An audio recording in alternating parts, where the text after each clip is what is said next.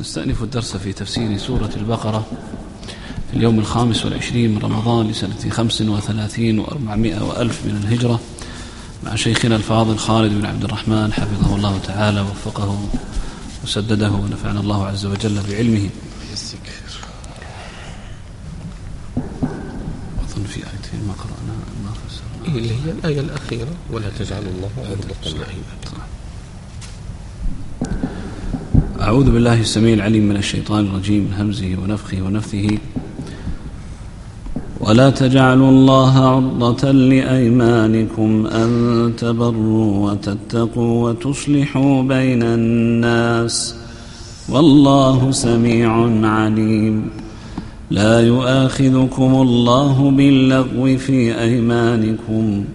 ولكن يؤاخذكم بما كسبت قلوبكم والله غفور حليم. للذين يؤلون من نسائهم تربص أربعة أشهر فإن فاءوا فإن الله غفور رحيم. وإن عزموا الطلاق فإن الله سميع عليم. والمطلقات يتربصن بأنفسهن ثلاثة قروء ولا يحل لهن أن يكتمن ما خلق الله في أرحامهن إن كن يؤمن بالله واليوم الآخر ۖ وبعولتهن أحق بردهن في ذلك إن أرادوا إصلاحا ولهن مثل الذي عليهن بالمعروف وللرجال عليهن درجة والله عزيز حكيم الطلاق مرتان فإمساك بمعروف أو تسريح بإحسان ولا يحل لكم أن تأخذوا مما آتيتموهن شيئا إلا أن يخافا ألا يقيما حدود الله فإن خفتم ألا يقيما حدود الله فلا جناح عليهما فيما افتدت به تلك حدود الله فلا تعتدوها ومن يتعد حدود الله فأولئك هم الظالمون فإن طلقها فلا تحل له من بعد حتى تنكح زوجا غيره فإن طلقها فلا جناح عليهما أن يتراجعا أن يتراجعا إن ظنا أن يقيما حدود الله وتلك حدود الله يبينها لقوم يعلمون. وإذا طلقتم النساء فبلغن أجلهن فأمسكوهن بمعروف أو سرحوهن بمعروف ۖ. ولا تمسكوهن ضرارا لتعتدوا ومن يفعل ذلك فقد ظلم نفسه ولا تتخذوا آيات الله هزوا واذكروا نعمة الله عليكم وما أنزل عليكم من الكتاب والحكمة يعظكم به واتقوا الله واعلموا أن الله بكل شيء عليم. وإذا طلقتم النساء فبلغن أجلهن فلا تعضلوهن أن ينكحن أزواجهن إذا إذا تراضوا بينهم بالمعروف ۖ. ذلك يوعظ به من كان منكم يؤمن بالله واليوم الآخر. ذلكم أزكى لكم وأطهر. والله يعلم وأنتم لا تعلمون.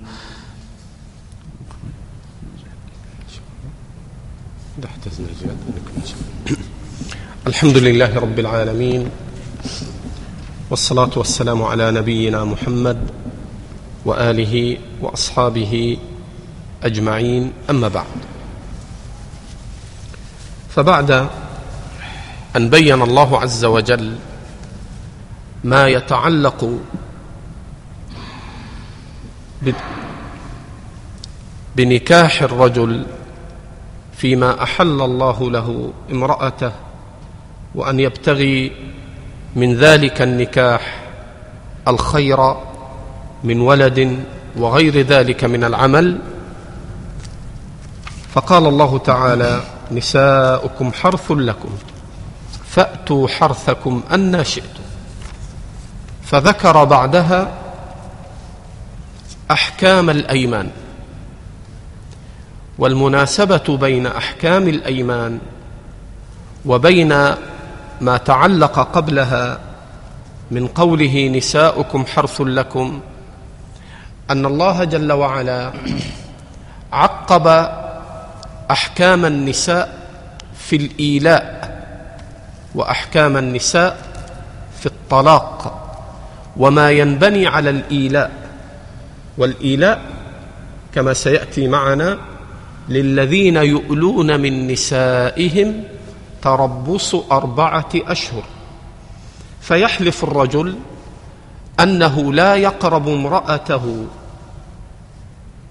يقصد جماعها أبدا.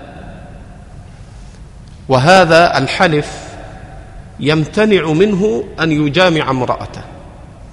فلما كان أراد الله جل وعلا أن يبين أحكام النساء والتي منها الإيلاء.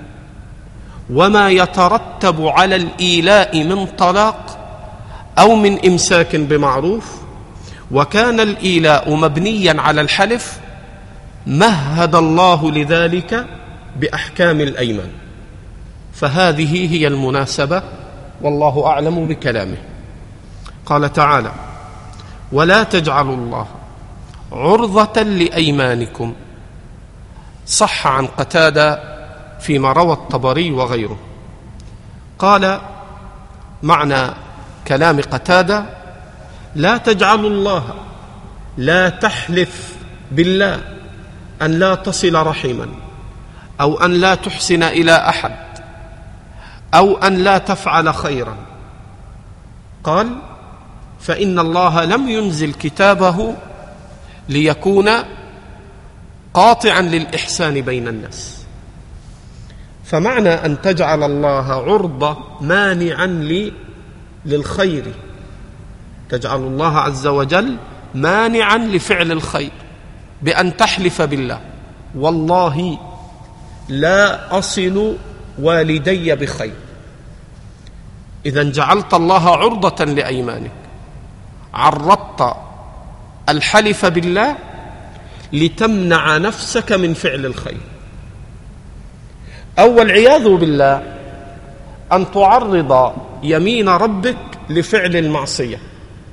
تقول والله لأقتلنك.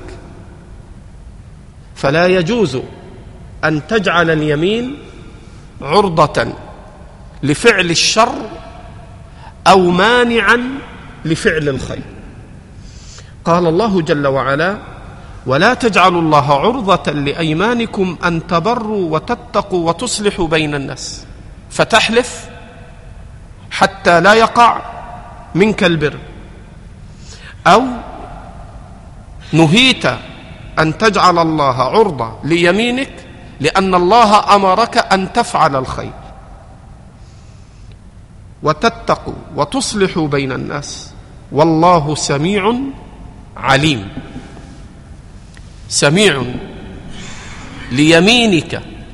حين تقسم فتجعل ربك عرضة ليمينك لترك فعل الخير أو تجعل الله عرضة في يمينك لفعل الشر. فالله سميع يسمع. هذا اليمين عليم بفعلك. حين جعلت يمين الله سببا لفعل الشر أو جعلت يمين الله سببا لترك الخير. قال الله جل وعلا لا يؤاخذكم الله باللغو في أيمانكم. فاليمين يمينان. يمين منعقدة. يقصدها صاحبها ويعقد عليها عزمه ونيته. كما قال في الآية الأخرى لا يؤاخذكم الله باللغو في أيمانكم ولكن يؤاخذكم بما عقدتم الأيمان. وعقد اليمين أي اعتقدها بقلبه وقصدها. إذن فرق الله جل وعلا بين اليمين التي يعقدها الإنسان بقلبه ويقصدها وبين اليمين التي ترد على اللسان ولا تنعقد بالقلب. وقد ثبت في صحيح البخاري أن أمنا عائشة رضي الله عنها قالت في قوله تعالى لا يؤاخذكم الله باللغو في أيمانكم. قالت أمنا عائشة هو قول الرجل لا والله بلى والله. أي أنه يرد اليمين على لسانه وهو لا يقصد يمينا. هذا الذي يرد على لسانك مثل ما تقول لواحد تفضل عندنا والله تتغدى عندنا. ما تغدى؟ هل عليك كفارة؟ لا. لأن هذا لم يعقد. إنما ورد على لسانك لغوا من لغو الحديث الذي يرد على اللسان ولا يقصد. اذا فإذا خرج اليمين على مخرج اللغو دون أن يتقصد بالقلب فلا ينعقد وليس فيه كفارة. وإنما الكفارة في اليمين إذا انعقد في قلبك وكسبه قلبك. لذلك قال هنا ولكن يؤاخذكم بما كسبت قلوبكم. أي أنه من فعل كسب القلب. فدل ذلك على أن القلب له أفعال. لذلك حين يقول أهل السنة الإيمان قول وعمل يقصدون عمل القلب وعمل الجوارح. فكما أن للجوارح كسبا كذلك للقلب كسبا. فيقولون الإيمان قول وعمل عمل القلب وعمل الجوارح. قال الله جل وعلا لا يؤاخذكم الله باللغو في أيمانكم. ولكن يؤاخذكم بما كسبت قلوبكم. هذه هي المؤاخذة. فإن حلفت وحنثت قلت والله لا آكل هذا الطعام. ثم أكلته. فإذا لم تكفر عن يمينك فأنت آثم. وعليك الخطيئة والذنب. وحتى تخرج من أن يؤاخذك الله بما كسب قلبك حين حلفت يمينا وحنثت فيه لا بد أن تخرج الكفارة. ما هي الكفارة؟ فكفارته إطعام عشرة مساكين من أوسط ما تطعمون أهليكم أو كسوتهم أو تحرير رقبة. تفعل واحدة من ثلاث حتى تتحلل من اليمين. إما أن تطعم عشرة مساكين وإما أن تكسوهم وإما أن تعتق رقبة. وقد نبهنا قبل ذلك أن بعض الناس يظن أن الإطعام أن يخرج مالا فيأتي في كفارة اليمين ويخرج مالا لفقراء للعشرة. هذا ما أطعم. كفارة اليمين أن تطعم ومعنى الإطعام أن تخرج طعاما لا تخرج نقدا.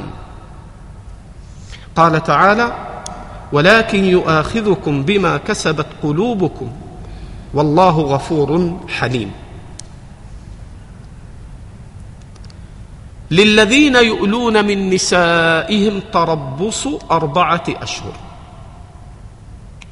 هذا هو المقصود الذي ارتبط بالآية التي مضت مع الآية التي بعدها. فالآية التي قبلها نساؤكم حرث لكم فمن أحكام النساء ما يتعلق بالإيلاء. فذكر الله أحكام اليمين. لأن الإيلاء هو أن يحلف الرجل.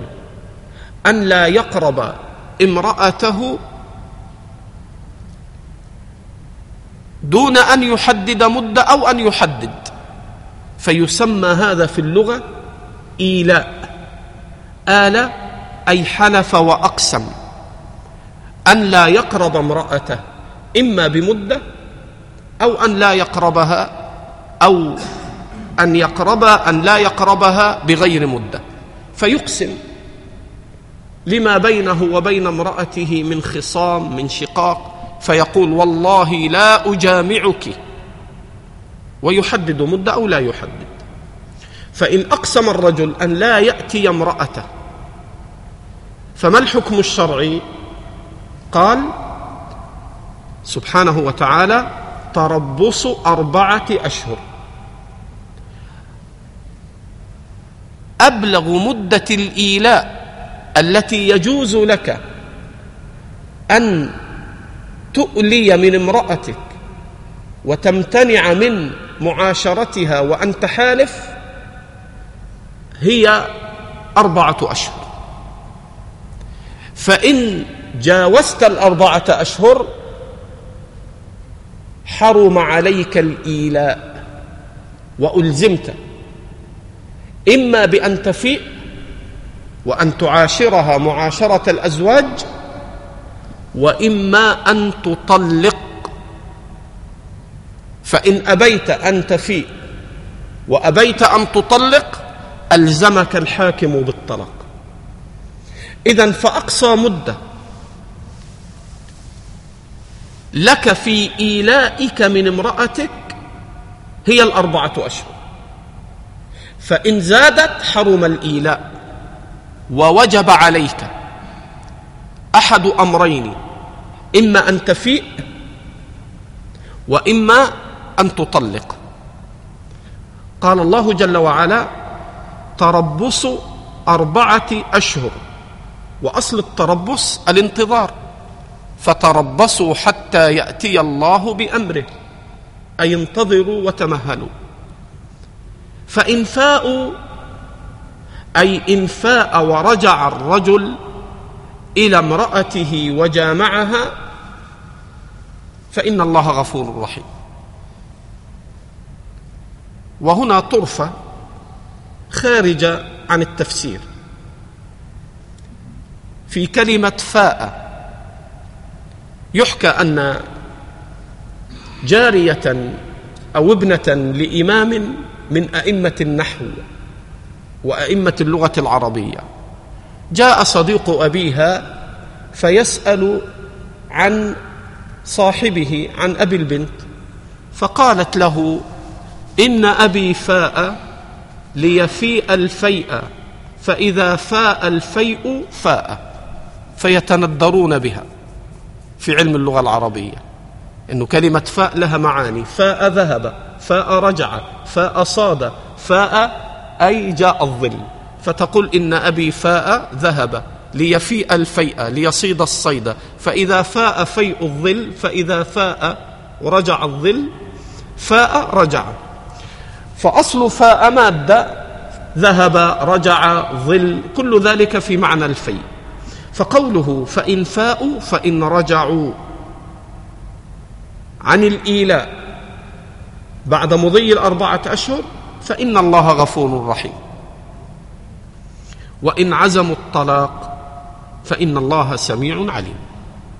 فإما أن يفيء ويعطي امرأته حقها وإما أن يعزم الطلاق. إذن طلقها الآن. فإن أبى ألزمه القاضي بالطلاق ورفعت أمرها إلى القاضي وأخبرته وأقامت البينة فألزمه القاضي بالطلاق وقد ثبت عند البخاري عن ابن عمر من طريق نافع أنه قال يوقف المؤلي فإما أن يفيء وإما أن يطلق. وثبت في التاريخ الكبير قال عن اثني عشر من أصحاب رسول الله صلى الله عليه وسلم كلهم يقول يوقف المؤلي بعد مضي الأربعة أشهر فإما أن يفيء وإما أن يطلق. قال تعالى وإن عزموا الطلاق. استدل به جماعة من أهل العلم أن الإيلاء ليس بطلاق. لأن الله قال بعد مضي الأربعة أشهر قال وإن عزموا الطلاق فحينئذ يطلق. لا أن الإيلاء وقع طلقه لأن بعض الفقهاء قال إذا مضت الأربعة أشهر وقعت طلقة واحدة. هذا خطأ وهذا خلاف الثابت عن أصحاب رسول الله صلى الله عليه وسلم وخلاف ظاهر الكتاب. فظاهر الكتاب أن الله قال وإن عزموا الطلاق فبين أن الطلاق حصل بعد الإيلاء حين عزموا عليه ولم يحصل قبل ذلك. وهذا خلاف ما جاء عن أصحاب النبي صلى الله عليه وسلم أعني أن يعتبر الطلاق واقعا بمجرد الإيلاء. فكما تقدم معنا عند البخاري في التاريخ الكبير بإسناد صحيح وصححه الألباني وغيره أنهم هؤلاء اثنا عشر رجلا من أصحاب النبي صلى الله عليه وسلم قالوا يوقف المؤلي بعد مضي الأربعة أشهر فإما أن يطلق وإما أن يفي. قال تعالى وإن عزموا الطلاق فإن الله سميع عليم. فإن حصل الطلاق فتأتي أحكام الطلاق. فقال والمطلقات يتربصن بأنفسهن ثلاثة قروء. إن حصل الطلاق فطلق المؤلي امرأته فهنا تعتد المطلقة. وعدة المطلقة ثلاثة قروء. إذا كانت المطلقة ممن تحيض. فعدتها ثلاثة قروء. قيل القرء هو الطهر. وقيل القرء هو الحيض. وبكلا القولين أو بكل واحد من القولين ذهب إليه طائفة من العلماء من الصحابة ومن بعدهم من التابعين وأئمة السلف. ما الفرق بين القولين؟ الفرق أن مدة العدة ستزيد إذا اعتبرنا أن عدة المطلقة بالحيض أو اعتبرنا عدة المطلقة بالطهر. فلو أنه طلق امرأته في حيض وقلنا بوقوع الطلاق في الحيض فهذا الحيض لا يحسب فتستأنف طهرا تطهر بعد الحيضة التي طلقت فيها تطهر. ثم تحيض. ثم تطهر. ثم تحيض. ثم تطهر. فإذا انتهت من الطهر الثالث فقد خرجت من العدة. وأما إذا اعتبرنا أن القرأ هو الحيض فإن المدة ستقل. فإنها تحتسب بحيضتها التي طلقت فيها. فتكون هذه الحيضة الأولى ثم تطهر ثم تحيض الحيضة الثانية ثم تطهر ثم تحيض الثالثة. إذا ففي كل قول من القولين يترتب عليه أثره وقد ثبت في صحيح مسلم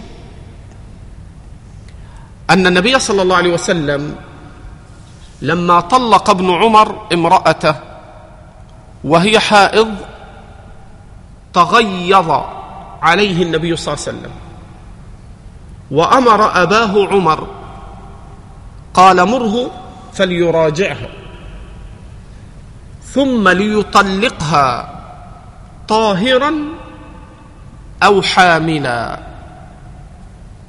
قال فتلك العدة التي أمر الله أن تطلق لها النساء وقرأ فطلقوهن في قبل عدتهن أي في ابتداء دخول العدة. فدل هذا الحديث كما نحى إليه جماعات من الأئمة على أن القر هو الطهر لا الحيض. لأن النبي صلى الله عليه وسلم بين له أنه يطلقها في استقبال عدتها فجعل طهرها هو استقبال عدتها. فالصحيح الذي عليه جماعة من أصحاب النبي صلى الله عليه وسلم وغيرهم من أهل العلم أن القرء هو الطهر. فإذا مضى على المرأة ثلاثة قروء فانتهت بالطهر الثالث وشرعت في حيضة ما بعد الطهر الثالث فقد خرجت من العدة. طيب ما الفرق بين الأحكام في العدة وفي غير العدة؟ إذا طلق الرجل امرأته وهي في العدة فله أن يراجعها دون إذنها. على العقد الأول. طيب وإذا مرت العدة ومضى ثلاثة قروء فلا رجوع لها إليه إلا إن رضيت بعقد ومهر جديدين. ما دامت في الطلاق الرجعي في الطلقة الأولى أو الثانية. فإذا كانت في الطلقة الأولى أو الثانية وانقضت العدة فليس لزوجها عليها رجعة ملزمة إلا إذا رضيت بعقد ومهر جديدين. هذا هو الفرق بين إرجاعها في العدة وبين إرجاعها بعد مضي العدة في الطلاق الرجعي. قال الله جل وعلا والمطلقات يتربصن بأنفسهن ثلاثة قروء. ولا يحل لهن أن يكتمن ما خلق الله في أرحامهن. إن كن يؤمن بالله واليوم الآخر لا يحل للمراه أن تكتم ما خلق الله في رحمها. إن خلق الله في رحمها ولدا فتكتم وتذهب عياذا بالله تسقط الولد لتعاقب المطلق ولتحرمه من ولده. كما يفعل هذا جهلة النساء. ظلمها زوجها فتذهب تظلم نفسها وولدها وتكتم ما خلق الله في رحمها حتى تؤذيه. أو أن تكتم الحيض أو الطهر وتكذب في دعواها فتعجل مدة الطهر قبل أن تستتم ثلاثة قروء تعجل المدة لكي تخرج من العدة. فتكذب فيما خلق الله في رحمها من الحيض أو الطهر لكي تعجل المدة حتى تخرج من العدة وحتى لا يبقى لزوجها عليها رجعة. أي رجعة ملزمة. قال الله تعالى ولا يحل لهن أن يكتمن ما خلق الله في أرحامهن. وفي هذا من الدلالة على أنها مستأمنة على رحمها. فإن ادعت أنها طهرت وأنها مضى عليها ثلاثة قروء لم تطالب بالبينة. لأن الله بين أنها مستأمنة على خبرها ورحمها. إلا إن ادعت ثلاثة قروء فيما لم تجر عليه عادات النساء. قالت آه تقول عن نفسها بأنها حاضت وطهرت وحاضت وطهرت وحاضت وطهرت في أسبوعين. هذه كاذبة. لأنه لم تجري عادات النساء على مثل هذا. إذن فإن ادعت انتهاء عدتها فيما جرت به العادة أن تنتهي عدة النساء بمثل هذه المدة قبل خبرها ووكل أمرها إلى الله في صدقها وكذبها. قال تعالى ولا يحل لهن أن يكتمن ما خلق الله في أرحامهن. إن كن يؤمن بالله واليوم الآخر وبعولتهن أحق بردهن في ذلك إن أرادوا إصلاحا. البعل هو الزوج. فالزوج أحق بردها في الطلاق الرجعي ما دامت في العدة. أحق بردهن في ذلك أي في مدة العدة. فإذا انقضت عدتها فهي أحق بنفسها منه. إن شاءت رجعت إليه وإن شاءت أبت وصار زوجا اجنبيا عنها. ففي حال العدة لا خيار للمرأة الخيار لزوجها. وإذا انقضت عدتها الخيار لها. قال الله جل وعلا وبعولتهن أحق بردهن في ذلك إن أرادوا إصلاحا. فيه تنبيه على أن الرجل ينبغي أن يراجع امرأته وأن الأفضل له أن يراجعها.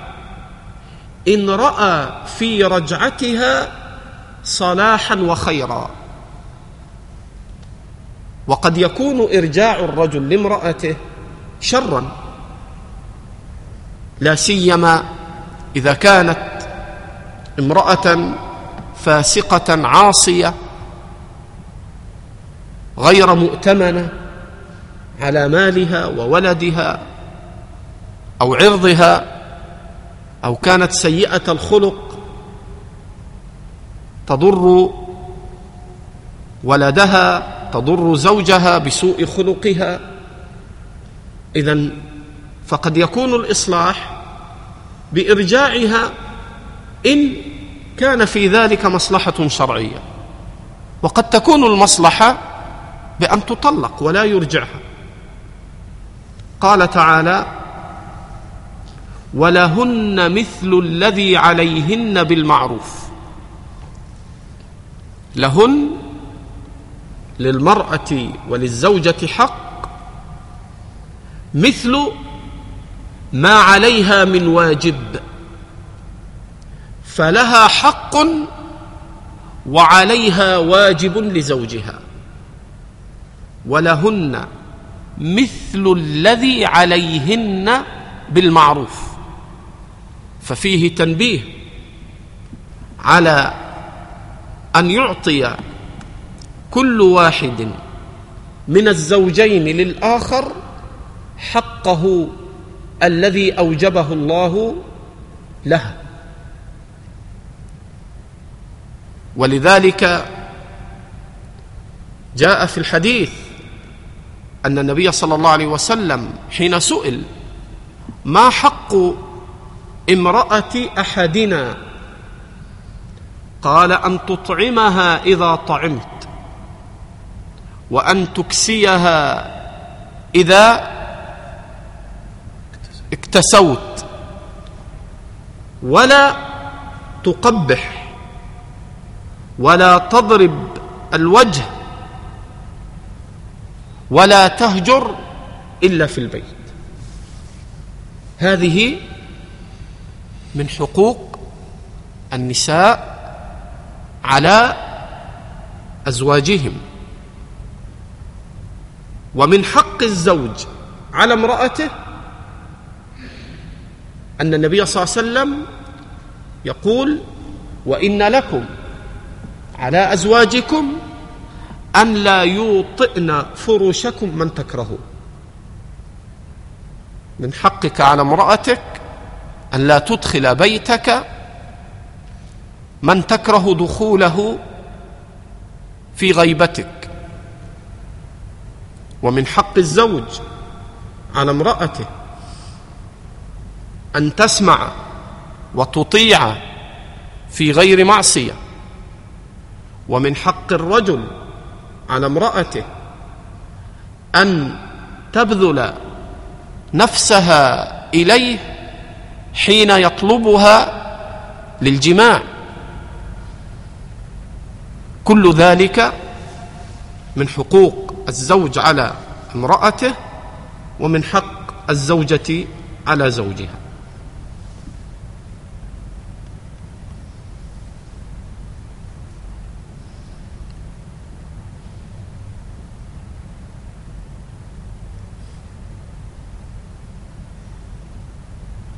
وهنا نقف حول دعوى بعض الجهال الذين ينادون بحقوق المرأة. وكل وقت من الأوقات نسمع هذه الشنشنة. حقوق المرأة. حق المرأة في العمل. حق المرأة في كذا. حق المرأة في كذا. وهذا كما يقال كلمة حق يراد بها باطل.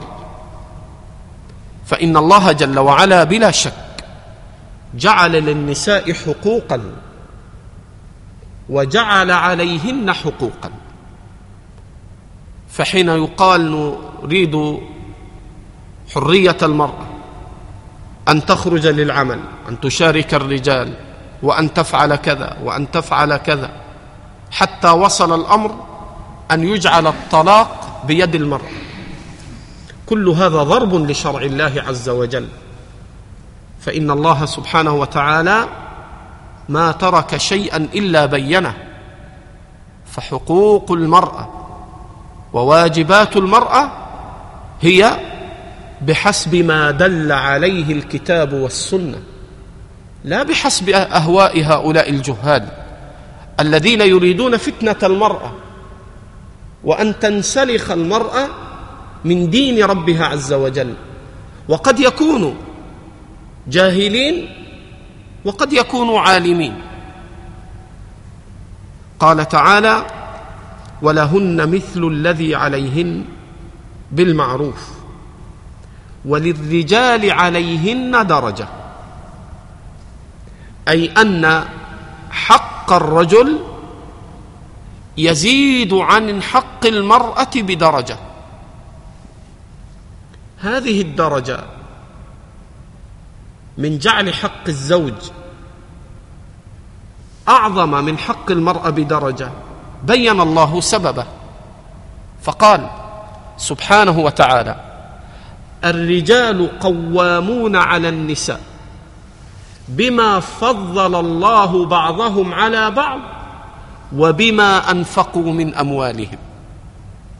هذا الرجل فضله الله يقدر على الأمور من طاعة الله ما لا تقدر عليها المرأة. المرأة ناقصة الدين وعقل. إذا حاضت لم تصلي ولم تصم. والرجل ولله الحمد لا يزال صائما ولا يزال مصليا. وبما أنفقوا من أموالهم فالرجل هو الذي يتعب ويتعنى ويحصل له المشقات في الصرف على امرأته على ابنته على أخته على أمه. المرأة لا تنفق على الزوج وبما أنفقوا من أموالهم. فهذا التفضيل تفضيل رب العالمين بحكمة وعلم. وليس فيه ظلم للمرأة بل جعل الله حقا لها وحقا عليها وجعل للرجال عليهن درجة بما فضل الله بعضهم على بعض وبما أنفقوا من أموالهم. تنبه والله عزيز حكيم. لماذا قال حكيم ردا على جهل الجهال الذين يقولون لماذا فضل الرجال على النساء وفي صحيح البخاري أن النبي صلى الله عليه وسلم قال كمل من الرجال كثير ولم يكمل من النساء إلا كذا وكذا أما من الرجال؟ قال كمل من الرجال كثير ولم يكمل من النساء إلا كذا وكذا. هذا التفضيل هو بحكمة ربك. فلذا ختم الآية بعد أن ذكر وللرجال عليهن درجة ختم الآية بأنه حكيم والعزة عزيز فجعل فضل الرجل فوق فضل المرأة. وجعل المرأة عزيزة والرجل عزيزا إلا أن الله أعز حق الرجل على المرأة بدرجة. فقال تعالى والله عزيز حكيم. وهذا هو الطلاق الرجعي.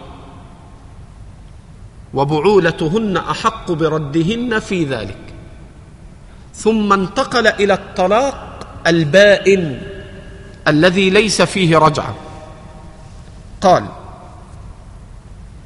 الطلاق مرتان وهو الطلاق الرجعي. إذا طلقت فالطلاق الرجعي هو طلقتان. تطلق طلقة رجعية. تعتد امراه امرأتك ترجعها. حسبت طلقة. ثم تعود تطلقها طلقة ثانية. فتعتد المرأة. فترجعها. فلك طلقتان ورجعتان.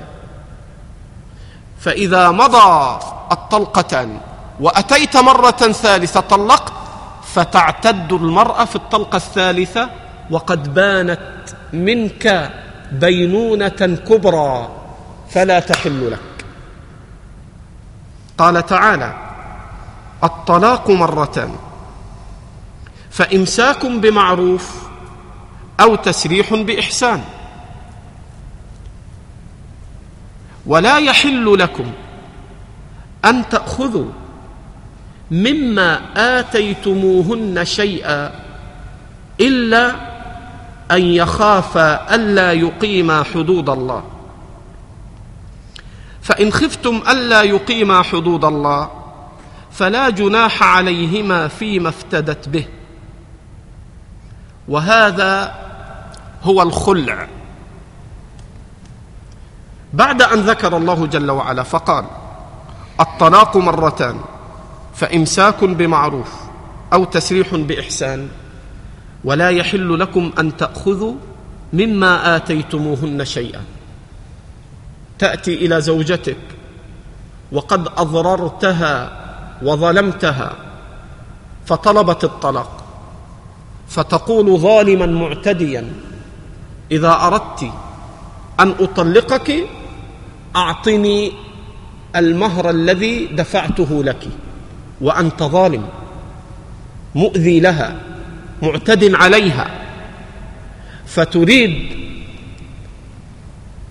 أن تطلقها ظالما معتديا فتأخذ ما أعطيتها. وتطلب عوضا مقابل الطلاق. هذا حرام عليك. وظلم على ظلم وبغي على بغي. قال تعالى ولا يحل لكم أن تأخذوا مما آتيتموهن من المهر شيئا. أي شيء. لا تأخذ منها ولا حبة سمسم. لأن قوله أن تأخذوا مما آتيتموهن شيئا شيئا نكره في سياق الإثبات تفيد الإطلاق. لا يحل لك أن تأخذ مقابل طلاق امرأتك حين تكون ظالما لها أي شيء وإن قل. إلا في حالة واحدة. إلا استثناء. ما هي الحال التي يجوز للزوج أن يأخذ من امرأته شيئا مقابل الطلاق؟ إلا أن يخاف الا يقيما حدود الله. الرجل صالح لم يظلم والمرأة لم تظلم ولكن ساءت العشرة بينهما. ورأوا أنهما مع استمرار المعيشة قد يؤول الأمر بينهما أن يعتدي بعضهما على بعض لوقوع النفرة بينهما لاختلاف الطبائع واختلاف الأمزجة كما في صحيح مسلم. جاءت امرأة ثابت بن قيس فقالت يا رسول الله إني لا أنقم على ثابت في خلق ولا دين ولكني أكره الكفر في الإسلام. أي كفر معصية الزوج. وفي لفظ قالت ولكني لا أطيقه أي نفرت منه مع أنه رجل صالح وصاحب دين. ولكن اختلفت الطبائع والأمزجة والتعامل فنفرت منه وهو لم يظلمها. فقال صلى الله عليه وسلم اتردين عليه حديقته؟ كان أمهرها بحديقة. فقالت نعم. فقال ردي عليه حديقته. ثم قال لثابت قم فطلقها. فهذا الذي هو عند الفقهاء الخلع وهي أن المرأة تختلع من زوجها مقابل أن تعطيه ما اتفقا عليه مقابل الطلاق. طيب ما الفرق بين هذه الحال؟ وبين الحال التي قبلها ولا يحل لكم أن تأخذوا مما آتيتموهن شيئا. الفرق أن الحاله الأولى هي حال ظلم أنه يضارها ويظلمها ويؤذيها فإذا أرادت أن تطلق قال أعطني مهري الذي أعطيته لك. فيصير ظالما من وجهين في المعاملة وعند الطلاق. وأما في الخلع فما يتصالح عليه الزوجان دون مضاره وإنما لما يقع بينهما من النفرة ونحوه فيطلق الرجل امرأته على رغبتها وعلى طلبها وهو غير ظالم لها. حينئذ يجب عليها أن ترد عليه حديقته أو ترد عليه مهره لأنه حقه وهي الآن تريد أن تمنعه حقه فهذا هو الخلق. قال الله عز وجل ولا يحل لكم أن تأخذوا مما آتيتموهن شيئا إلا أن يخافا الا يقيما حدود الله. فإن خفتم الا يقيما حدود الله فلا جناح عليهما فيما افتدت به. تلك حدود الله فلا تعتدوها. ومن يتعد حدود الله فأولئك هم الظالمون. فإن طلقها هذه الطلقة الثالثة فلا تحل له من بعد حتى تنكح زوجا غيره. إذا صار عندك الآن ثلاث طلقات وخلع. قال في الأولى الطلاق مرتان ثم ذكر الخلع ثم عاد وذكر الطلقة الثالثة. فإن طلقها الطلقة الثالثة فلا تحل له من بعد حتى تنكح زوجا غيره. وقد اختلف الفقهاء هل الخلع طلاق أم ليس بطلاق. وقد ثبت عن ابن عباس رضي الله عنهما قال الخلع ليس بطلاق. قد ذكر الطلاق قبله فقال الطلاق مرتان وذكر الطلاق بعده وجعل الخلع بينهما. قال ابن عباس فالخلع ليس بطلاق. يقصد ابن عباس رضي الله عنهما أن الآية ابتدأت بذكر الطلقتين الطلاق مرتان ثم عرجت على ذكر الخلع ثم أعادت ذكر الطلقة الثالثة. فلو كان الخلع طلاقا لصار الطلاق هنا كم؟ أربعة. لو كان الخلع طلاقا لصار أربعة. فابن عباس يقول لا الخلع ليس بطلاق. لذلك ثبت في الحديث الصحيح أن النبي صلى الله عليه وسلم أمر المختلعه أن تعتد بحيضة. ولو كان الخلع طلاقا لاعتدت بماذا؟ بثلاثة قروء لكن النبي صلى الله عليه وسلم أمر المختلعه أن تعتد بحيضة. مما يدل على أن الخلع ليس بطلاق. ولا يجوز للمرأة أن تختلع من زوجها من غير بأس. النبي صلى الله عليه وسلم يقول فيما صحح الإمام الألباني وغيره أيما امرأة سألت زوجها طلاقها من غير ما بأس فالجنة عليها حرام.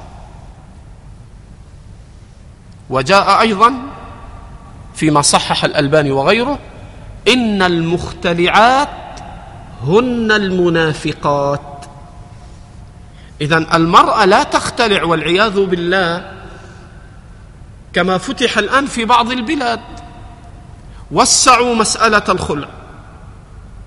فتأتي المرأة الجاهلة وربما أحبت أن تترك زوجها من غير ما بأس.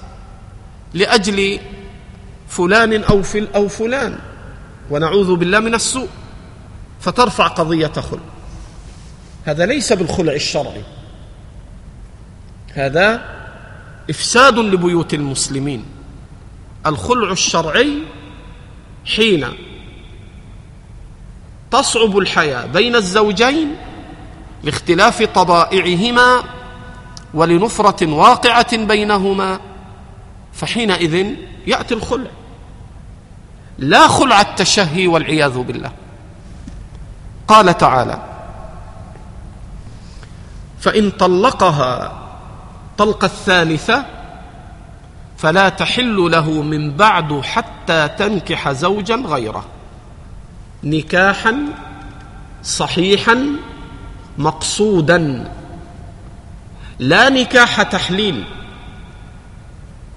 فلو أن المرأة المطلقه طلاقا بائنا بينونة كبرى تزوجت ليحللها الزوج الآخر للأول.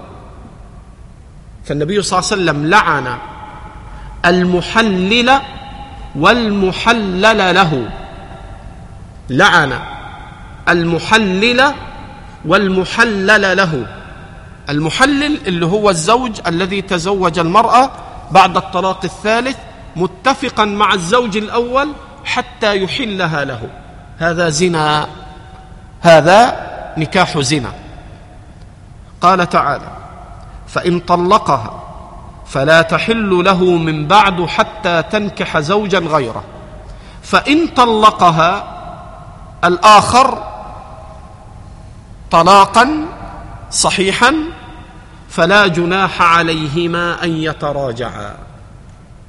فإذا وقع الطلاق من الزوج الآخر وقد دخل بها دخولا شرعيا ونكاحا مقصودا صحيحا فحصل طلاق من الآخر جاز لها أن ترجع إلى الزوج الأول بنكاح جديد. ولذلك لما جاءت المرأة فقالت يا رسول الله إنما عند فلان مثل هدبة الثوب. فجاء وقال يا رسول الله إني أنفضها نفض الأديم. فقال صلى الله عليه وسلم أتريدين أن ترجعي إلى رفاعة؟ يعني زوجها الأول بعد أن اشتكت من الزوج الآخر. فقال لا حتى يذوق عسيلتك وتذوقي عسيلته. كناية عن الجماع وأن يكون الزواج الآخر زواجا صحيحا مقصودا لا على سبيل التحيل. قال تعالى فإن طلقها فلا جناح عليهما أن يتراجعا إن ظنا أن يقيما حدود الله. وهذا سبق البيان. كما قال في الأول إن أرادوا إصلاحا إن ظن أن يقيم حدود الله وأن يصلح الرجل حاله مع امرأته بأن يعيد زواجه منها ورأى في ذلك مصلحة شرعية وظن أن يكون التوفيق بينهما رجع وأرجعها بعقد جديد وإلا فلا. وتلك حدود الله يبينها لقوم يعلمون. وإذا طلقتم النساء فبلغن أجلهن فأمسكوهن بمعروف أو سرحوهن بمعروف ولا تمسكوهن ضرارا لتعتدوا.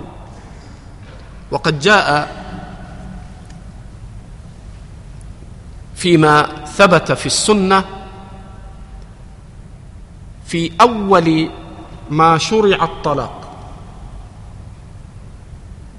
كان الرجل له أن يراجع امرأته في عدتها من غير تقييد بعدد. يراجعها مرة ومرتين وثلاثا وأربعا وخمسا وستا وعشرا ما دامت لم تنقضي العدة. فكان الرجل يطلق امرأته فتعتد فيتركها فإذا ما شارفت على نهاية العدة أرجعها ثم يطلقها فتعتد فإذا ما شارفت على نهاية عدتها ردها. يفعل ذلك إضرارا وتعذيبا لها.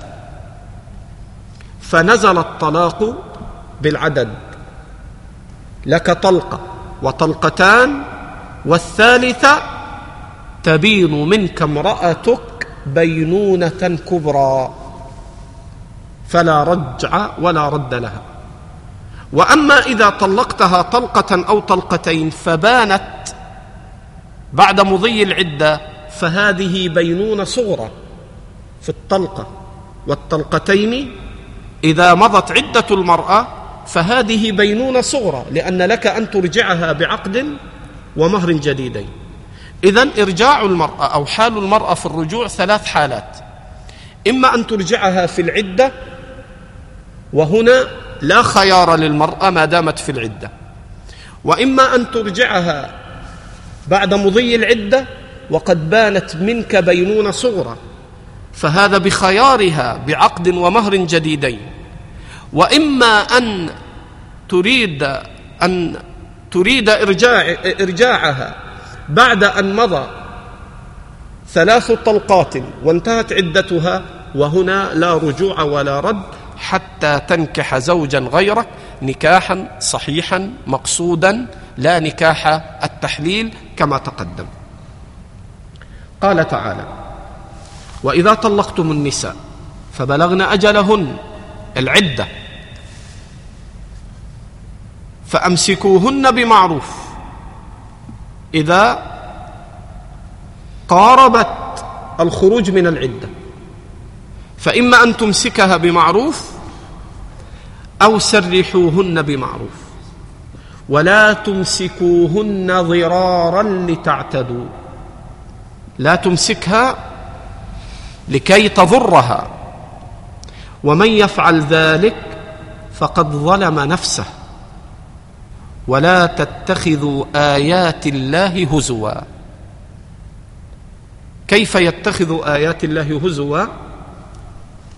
أي أنه يعمد ويقول الشرع جعل لي حق الرجعة. ثم هو من خلال هذا يريد أن يظلمها. ولكن محتالا بالحجة الشرعية. فهذا كذاب.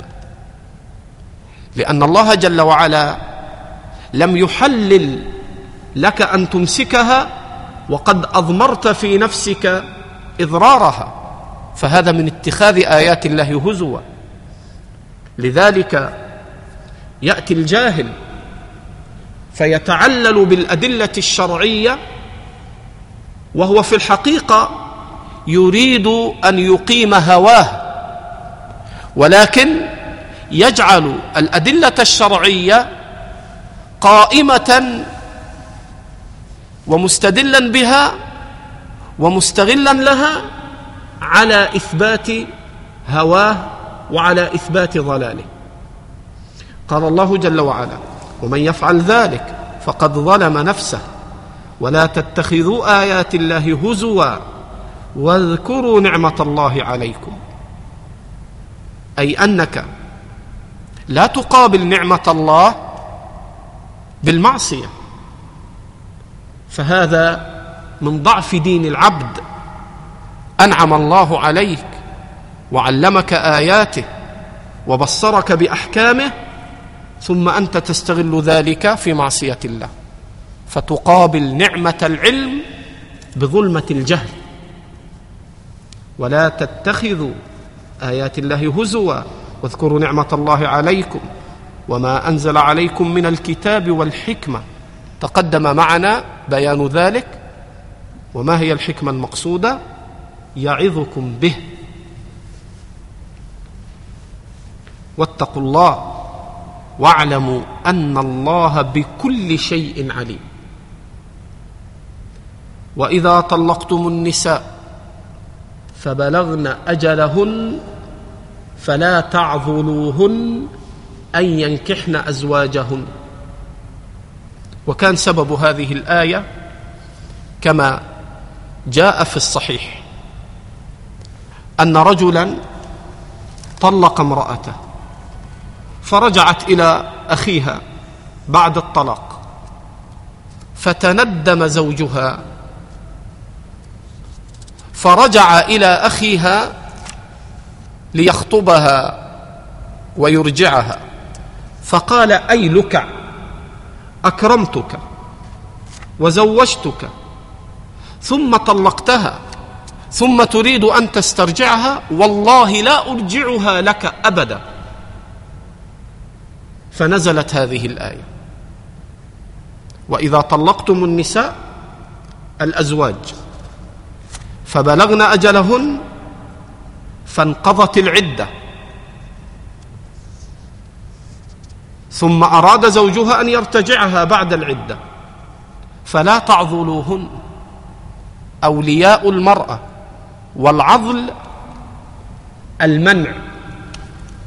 يقال عضل عضل الرجل ابنته أي منعها من أن تفعل شيئا. هذا هو العضل. وقد استدل الإمام البخاري بهذه الآية على أنه لا نكاح إلا بولي.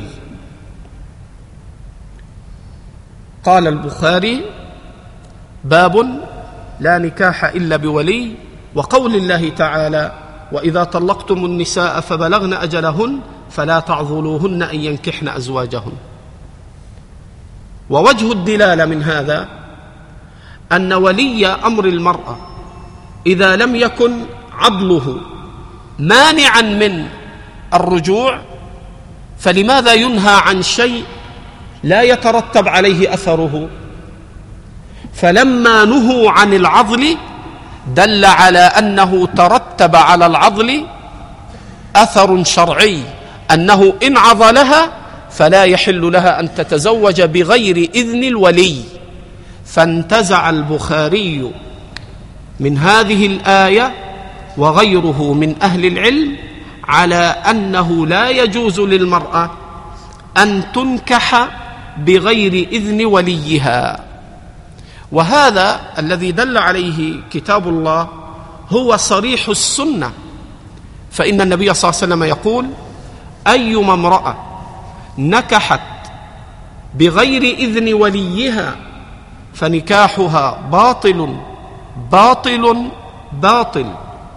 فإن دخل بها فلها أجر ما استحل من فرجها. يكون نكاح شبهة. إذا دخل بها دون إذن الولي يفسخ العقد. ثم يجعل للمرأة المهر عوضا عما استحل من الفرج ويفسخ العقد. وقد فرق بعضهم فاشترط الولي للبكر ولم يشترط الولي للثيب والثيب التي سبق لها الزواج. قالوا البكر هي التي تحتاج إلى ولي. وأما الثيب التي سبق لها الزواج فلا يشترط لها الولي. وهذا رد لكتاب الله. فإن هذه الآية في الثيب. ثم النبي صلى الله عليه وسلم يقول أيما امرأة. وهذا كما يقول علماء الأصول أن من دلائل العموم المضاف والمضاف إليه. أيما امرأة؟ امرأة نكرة وأي مضاف؟ وامرأة مضاف إليه.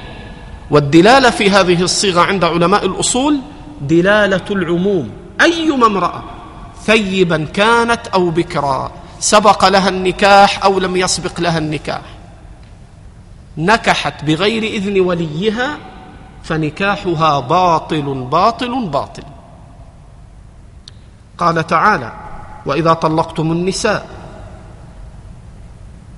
فبلغن أجلهن وتأمل طلقتم النساء ثيبا كانت أو كانت غير ثيب كل امرأة مطلقة.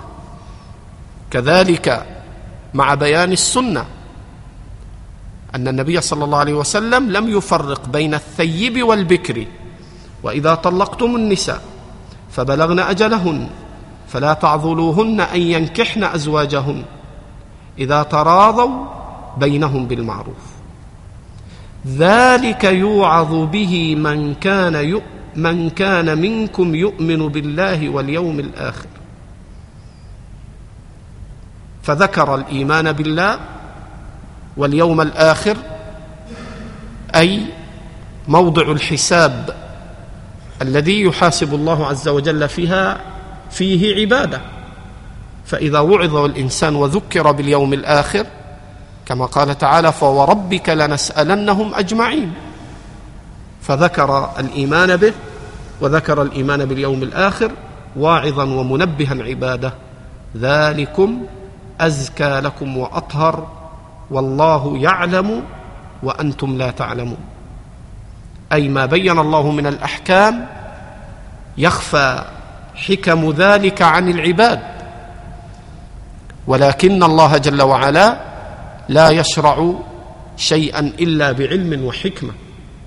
فلذلك إذا جاء أمر الله أو أمر رسوله ظهرت حكمته أو لم تظهر حكمته فواجب عليك الانقياد فيما ظهر لك فيه الحكمة أو فيما غاب عنك فيه مسلما ومنقادا وتعلم أن الله يعلم وأنت لا تعلم كما في حديث البخاري في الاستخارة من حديث جابر فتقول في دعاء الاستخارة فإنك تعلم ولا أعلم وتقدر ولا أقدر وأنت علام الغيوب والله أعلم بمراد كلامه جزاكم الله خير جزاك الله خيرا شيخنا الفاضل. يقول السائل قال الله تعالى إن ظن أن يقيم حدود الله هل الظن هنا ظن يقين؟ الظن في كتاب الله عز وجل أتى بمعنيين. الظن الشك إنه ظن أن لن يحور بلى إن ربه كان به بصيرا. والظن بمعنى اليقين. ومنه إني ظننت أني ملاق حسابية فهو في عيشة راضية. فهنا إن ظن إن علم واستيقنا بأنهما بعد الرجوع سيقيمان حدود الله فيردها وإلا فلا. نعم. يعني هناك بعض بعض الآيات فيها الظن يكون بمعنى غير اليقين؟ اي نعم. وهذا في قوله إنه ظن أن لن يحور بلى إن ربه كان به بصيرا. قد جاء في تفسير هذه الآية عند بعض أهل العلم أن هذا ظن الشك والريبة. ولكن الظن كما قلت أتى في كتاب الله بمعنى اليقين وأتى بمعنى الشك من كان يظن أن لن ينصره الله فليمدد. من كان؟ من كان يظن أن لا ينصره الله. من كان يظن أن لا ينصره الله في الدنيا والآخرة فليمدد بسبب إلى السماء ثم ليقطع فلينظر هل يذهبن كيده ما يغيظ. هذا ظن. كذلك الظن في قوله بل ظننتم ظن السوء وكنتم قوما بورا إنه ظن أن لن يحور.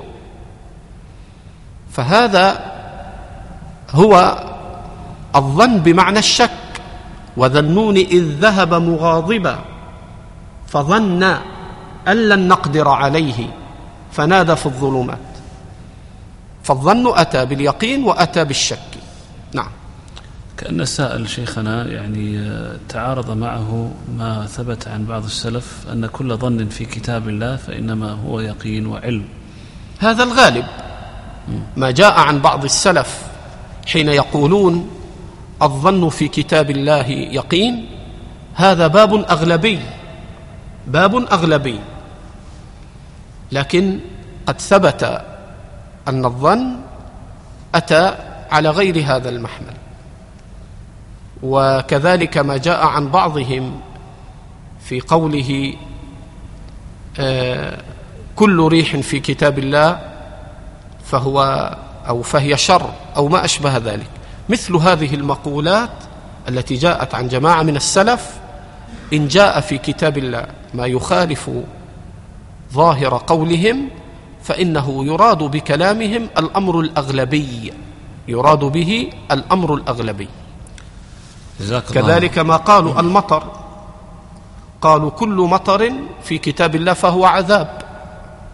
وقد جاء في كتاب الله ذكر المطر بغير العذاب. فهذا أغلبي عند أهل العلم. نعم. يقول السائل أحسن الله إليكم في قوله تعالى ليس البر أن تولوا وجوهكم وقوله وليس البر بأن تأتوا البيوت من ظهورها ما هو وجه الإعراب؟ للبر في الموضعين. إيه هذا نحتاج أن نرجع للآية. الآية الأولى ماذا تقول؟ ليس البر أن تولوا وجوهكم قبل المشرق واضح ليس البر أن تولوا وجوهكم. هذا الإعراب فيها ظاهر فإن قوله تبارك وتعالى ليس البر أن تولوا وجوهكم قبل المشرق والمغرب. فهنا تقديم وتأخير. فالبر خبر ليس مقدم. وأما قوله في الآية الأخرى وليس البر بأن وليس البر هو اسم ليس. فهنا ليس البر هو اسم ليس وليس البر هو خبر لليس مقدم. نعم. هل ينعكس ذلك على المعنى في في المغايرة؟ على كل حال هذا سبق بيانه. فكأن السائل يريد أن يرجعنا إلى ذاك المبحث. لا أبدا السائل سأل قديم ولا جيد. إذا نحن المسؤولون. يعني يقول أخي آه، الشيخ علي يقول أن السائل أو هذا سؤال قديم. لا, لا أرجعنا السؤال. إحنا جيد لا بأس. حينئذ انتبه. إذا تقدم لك الإعراب وتبين أنه قدم خبر ليس في موضع وأبقى اسم ليس في موضع على الأصل. فإن باب التقديم وباب التأخير له فائدة واهتمام باعتبار سياق الآيات. فحين قال ليس البر أن تولوا وجوهكم قبل المشرق والمغرب. فالمقصود من صنيعهم أنهم حين جاء أمر القبلة وكان الأمر مشكلا. كان الأمر مشكلا. أمر القبلة وتحويل القبلة أمر عظيم. وارتابت فيه نفوس واضطربت فيه أنفس كثير من الناس.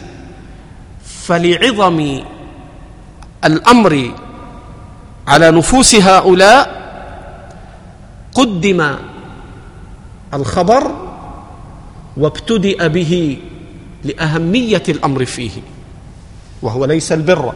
حين تقدم خبر ليس على اسمها. واضح؟ الأخرى حين قال ليس البر ليس البر أن تولوا وجوهكم قبل المشرق والمغرب.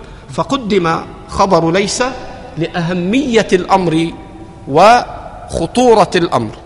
بينما في الآية الأخرى كان يخاطب المؤمنين فجرى الأمر على بابه. فجرى الأمر على بابه من تقديم اسم ليس. نعم. والله أعلم بمراد كلامه. نعم. السؤال الأخير فيما يتعلق في الاعتكاف. نعم. لكن نرجع ولا؟ كما تحب. يقول السائل أحسن الله إليكم. هل السنة في الاعتكاف أن يعتكف العشر الأواخر كاملة أم له أن يعتكف أياما منها؟ السنة الكاملة أن يعتكف العشر الأواخر كلها. هذا هو الثابت عن النبي صلى الله عليه وسلم في الصحيحين أنه اعتكف العشر الأواخر كلها. فإن اعتكف بعض ذلك ولو ليلة لا بأس. كما في حديث الصحيحين أن عمر رضي الله عنه قال يا رسول الله إني نذرت أن أعتكف ليلة في المسجد الحرام. وعند مسلم رواية يوما. وقد أشار الحافظ إلى أنها شاذة. وأن المحفوظ ليلة. فقال صلى الله عليه وسلم أوف بنذرك. ففي هذا جواز الاعتكاف بالليلة لأن اعتكاف الليلة لو لم يكن مشروعا كما يقول بعض العلماء ليس بمشروع أن يعتكف ليلة. لو لم يكن مشروعا لما أمره النبي صلى الله عليه وسلم أن يوفي بالنذر. لأنه يقول لا نذر في معصية الله ولا فيما لا يملك ابن آدم. فلما أقره أن يوفي بنذره دل على أنه يجوز أن يعتكف ليلة لكن الأصل أن يعتكف العشر كلها. نعم. يعني هل ثبت في هدي السلف انه كانوا يعتكفون ليالي منفردة أو نحو ذلك؟ جاء عن بعض أهل العلم منقولا عن السلف أنه لا بأس أن يعتكف الرجل يوما أو ليلة وما أشبه ذلك. ولو لم يكن في الباب إلا ما صح عن عمر فإنه قال فاعتكف عمر ليلة. فهذا صريح.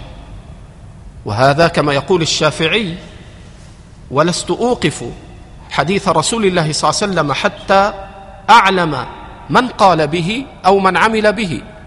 قال فإن الله جعل سنة نبيه حجة على الناس ولم يجعل الناس حجة على سنة نبيه. فهذا صريح حديث النبي صلى الله عليه وسلم وقد قال به جماعة من أهل العلم إلا أن أكثر العلماء على الأول. نعم. جزاكم الله خيرا والحمد لله رب العالمين جزاك الله خيرا وسددنا الله وإياك.